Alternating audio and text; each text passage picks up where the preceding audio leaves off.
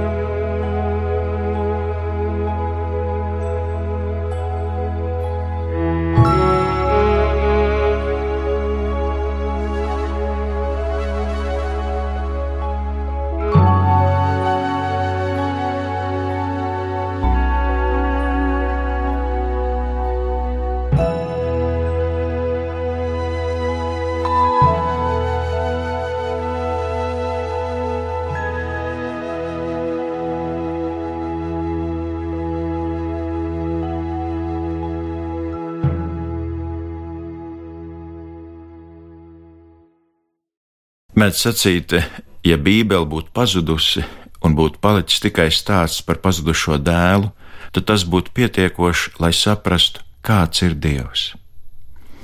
Un šis pazudušā dēla stāsts nozīmīgs ir ar to, ka viņš ļoti skaidri parāda, kādam dievam mēs ticam, kāds ir kristiešu dievs, kāds ir Bībeles dievs, jeb kāds ir dievs, kur mums atklājas Jēzus Kristus. Nevelti šo līdzību par pazudušo dēlu sauc par evaņģēlīju kvintessenci, evangelium in evangelio. Savukārt Čāls Dikens par šo Kristus sacīto līdzību ir teicis, tas ir lieliskākais stāsts, kāds jebkad ir uzrakstīts. Un šajā rītā, domājot par šo Kristus teikto līdzību, pārdomāsim un atgādināsim sev kādas trīs patiesības. Un tas pirmais vārds, ko šī līdzība mums aicina domāt, ir mantojums. Tēva dotais mantojums. Pat ja mēs šajā pasaulē esam ienākuši tukšā vietā, pat ja mums nav bijusi vecāku klātbūtne, un ja mums nav bijis kāds dzīves nodrošinājums, mums tomēr ikvienu pavada pagātne. Mūsu ikvienu pavada iedzimtība, raksturs, tradīcijas, un to kopā ņemot, visu var saukt par laicīgo un garīgo mantojumu. Un savukārt Dievs jau no pašas radīšanas ir kā labais tēvs, kas saviem bērniem, cilvēkiem, visu laicīgo un garīgo ir nodrošinājis. Taču tikpat mūžīgi ir arī cilvēku vēlme saņemt tēva svētību, tēva labvēlību, saņemt tēva mantojumu un tad dzīvot kā pašiem tīk, prom no mājām, prom no dieva, prom no savējiem. Un mēs redzam, ka dievam nav žēl. Tad, kad dēls nāk pie tēva un prasa viņam mantojumu, tēvs viņam to dod. Un mēs redzam, ka dievam ir viss, kas mums ir nepieciešams. Bet tas apmāns ir domāt, ka mani laimīgi padarīs savu pašu egoistisko vēlmu piepildījums. Apmāns ir domāt, ka dzīvot kā pašam tīk dzīve būs laimīga un izdevusies. Tāda izvēle, kā mēs redzam, agri vai vēlu noved izmisumā. Un cilvēkam vislielākās nepatikšanas sākas tad, kad viņam ir iespējams dabūt to, ko viņš iekāro un cilvēkam jau vienmēr ir kārdinājums atstāt tēva mājas. Mantas dēļ, nu es pelnīšu kaut kur vairāk, brīvības dēļ, jo es varēšu darīt to, ko es vēlos, piedzīvojumu dēļ, jo tad es varēšu baudīt dzīvi, vai arī dažkārt kādu draugu dēļ. Un tomēr mēs redzam, ka dēls, kurš aizgāja prom no tēva, pēc kāda neilga laika nonāk ļoti neapskaužamā stāvoklī. Tas pirmais jautājums, tātad domājot par mantojumu, ir saprast, ka Dievs mūs mīl un ir devis visu nepieciešamo mūsu laicīgai un garīgai dzīvei, bet reizē arī varam domāt par to, ko tad es atstāšu, kad no šīs dzīves aiziešu, kāds laicīgs vai garīgs mantojums paliks aiz manis un ko es saviem bērniem vai mazbērniem varēšu atstāt kā svētību. Tēvam ir ko dot. Tas otrs vārds, ko varam šajā līdzībā saprast, ir brīvība. Tēvs dod, Tēvs neliedz dēlam to, kas viņam pienāks. Tāpēc, ka Tēvs mīl savus bērnus tik ļoti, ka viņš saka, es tev došu mantojumu, tu vari iet. Dievs nevēlas cilvēku piespiest būt kopā ar viņu ar varu, un kamēr tev vēl ir Dieva dotā svētība, kādu laiku jau var dzīvot, bet esot šķirts no dieva, dieva dotais mantojums vai svētība pamazām izsīkst, draugi pazūd, dienišķā maize beidzas, un kārotā brīvība kļūst par verdzību. Tas otrs apmāns ir domāt, ka laimi man dāvās citi, ka citur situācija būs labāka nekā mājās. Patiesība jau ir tā, ka mantkārība ved nepārtrauktā neapmierinātībā, un ka brīvība bez likuma un robežām ir postoša kā uguns. Patiesība ir tā, ka piedzīvojumi bez mērķa nes postu un dažkārt pat nāvi. Patiesība ir tā, ka draugi bez dieva kļūst par egoistu pulciņu, un esot prom no dieva, dieva dotā svētība iznīkst, un tad pat verga stāvoklis dēlam liekas liela cerība. Tad šajā situācijā mēs redzam arī vēl kādu brīnišķīgu patiesību, ka nonākot grūtībās, dēls nāk pie atziņas. Parasti jau cilvēks nonākot kādā izmisuma situācijā, visvieglāk un visātrāk vaino citus, apstākļus, sliktus draugus, kādu īpašu situāciju, taču mēs redzam, ka dēls atcerās, cik labi bijis tēva mājās, un tas mums liek domāt par to, ka vienmēr ir svarīgi saglabāt atmiņas par to labo un vērto, kas reiz bijis. Un kad viņš atcerās, cik labi bija tēva mājās, tad viņš sāk ar savas situācijas izvērtēšanu. viņš godīgi atzīstas, ka ir grēkojis, ka ir rīkojies nepareizi, ka ir pieprasījis mantojumu vēl tēvam dzīvam esot. Un patiesa nožēla vienmēr nozīmē prāta maiņu. Nožēla nozīmē, ka es esmu sapratis savu patieso stāvokli un reizē arī apzinos Dieva mīlestību. Un patiesa nožēla ietver prātu un gribu un emocijas. Un tāpēc mēs lasām, ka dēls saka, es celšos, es iešu, es sacīšu, es esmu grēkojis, un es lūgšu piedošanu. Dievs dod mantojumu, Dievs dod arī brīvību, un dažkārt šī brīvība ir ļoti liels pārbaudījums. Un visbeidzot, mēs redzam vēl kādu vārdu, par kuru varam domāt šajā stāstā. Tā ir Dieva mīlestība. Dieva mīlestība.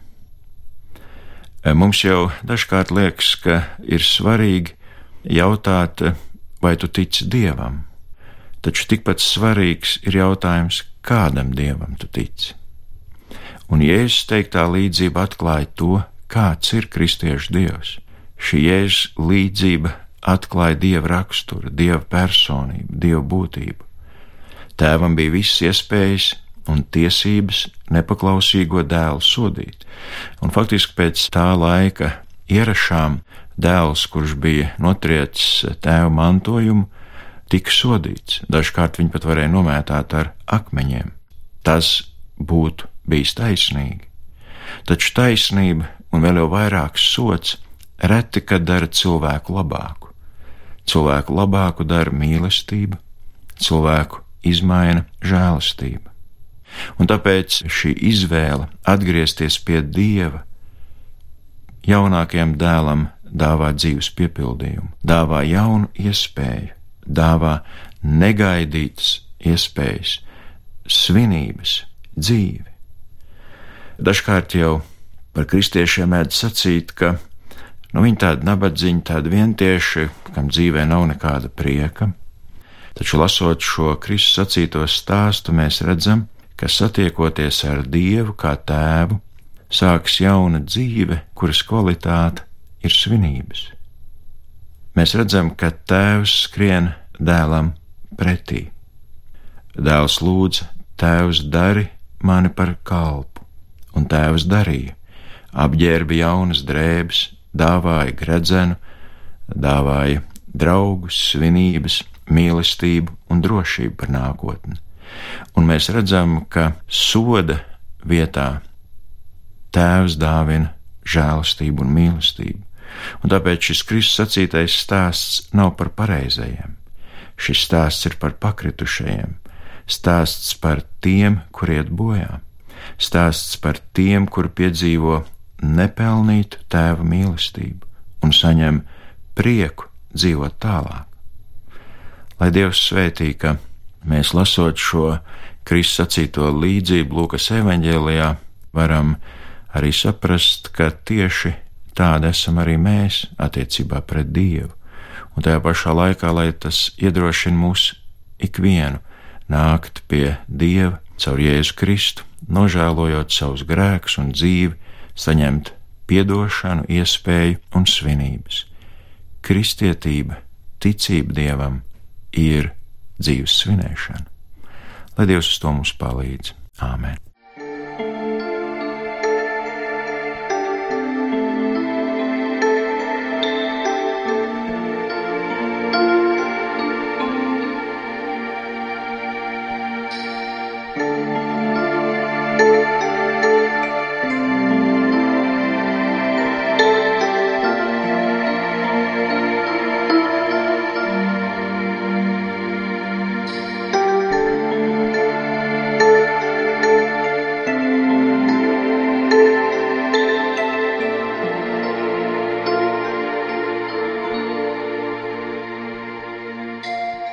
Pielūgsim Dievu. Mūžīgais debesu Tēvs, Tev dēla Jēzus Kristus vārdā mēs pateicamies par šo svētdienu, ko Tu mums esi devis. Mēs pateicamies Dievs par dusu dienu, par to, ka tik daudz dievnami mūsu dzimtenē, lieli un mazi, šodien ir atvērti un aicina Tavus bērnus pie sevis. Paldies, Dievs, ka Tavs vārds var skanēt mūsu zemē, arī caur Latvijas rādio. Un mēs pateicamies, ka mums ir žēlastība Tevi pazīt caur Jēzu Kristu un būt par kristīgu tautu. Taču, kungs, tu jau zini, ka arī ļoti bieži mēs esam kā pazudušie dēli, kas grib dzīvot pēc savu prātu, pēc savu nodomu, un tajā pašā laikā tik ļoti gribētu saņemt tavu svētību. Kungs, Dievs, mēs lūdzamies, piedod mūsu maldīšanos, piedod mūsu nekad nerimstošo mantskāru un pasaulīgo dzīvi, un dod mums gribu un vēlēšanos celties un iet atpakaļ pie tevis.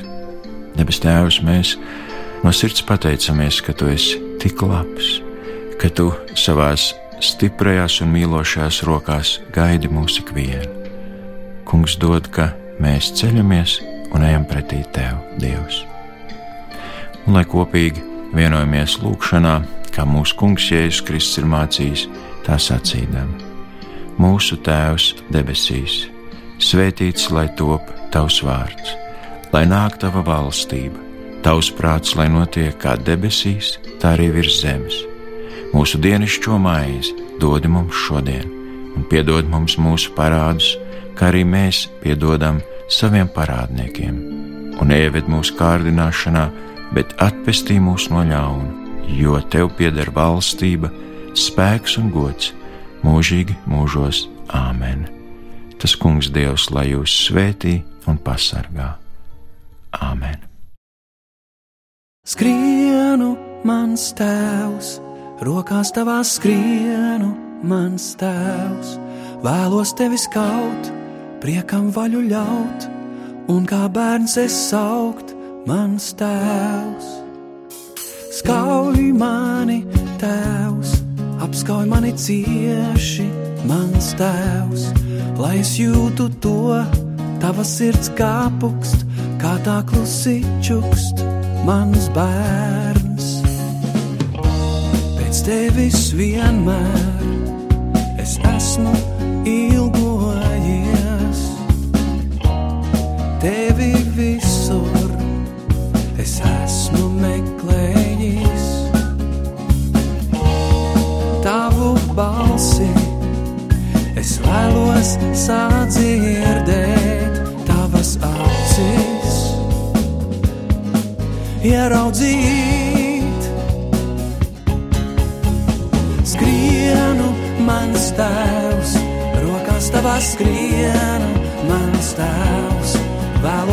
Skaut, priekam vaļu ļaut, un kā bērns es saukt, mans tēvs. Apskauj mani, tēvs, apskauj mani cieši, mans tēvs, lai es jūtu to, tava sirds kāpukst, kā tā klusi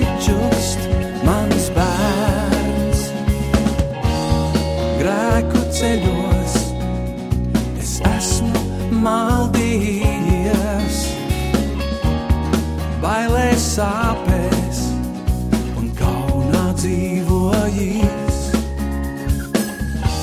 Man saprast devi, ka viss, kas man ir vajadzīgs, esi tu tēvs, esi tu.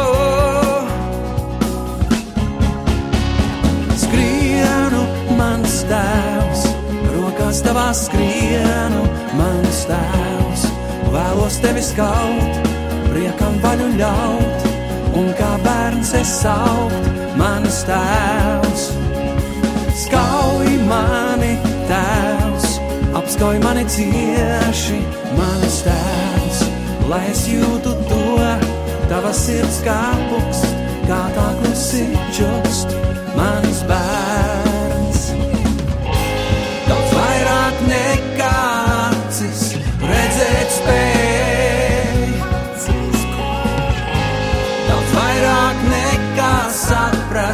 spēj mans prāts.